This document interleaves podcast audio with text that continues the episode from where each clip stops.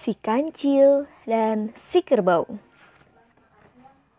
Suatu hari, si kancil tampak kelelahan.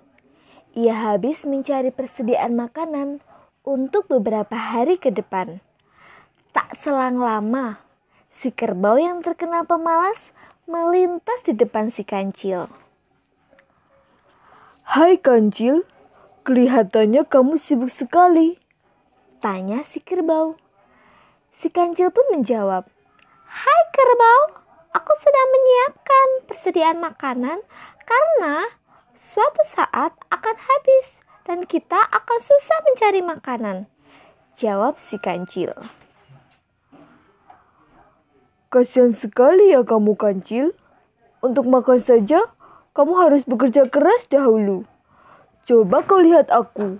Aku tidak bekerja, tetapi rumput untuk makananku sangat banyak dan tumbuh di mana-mana.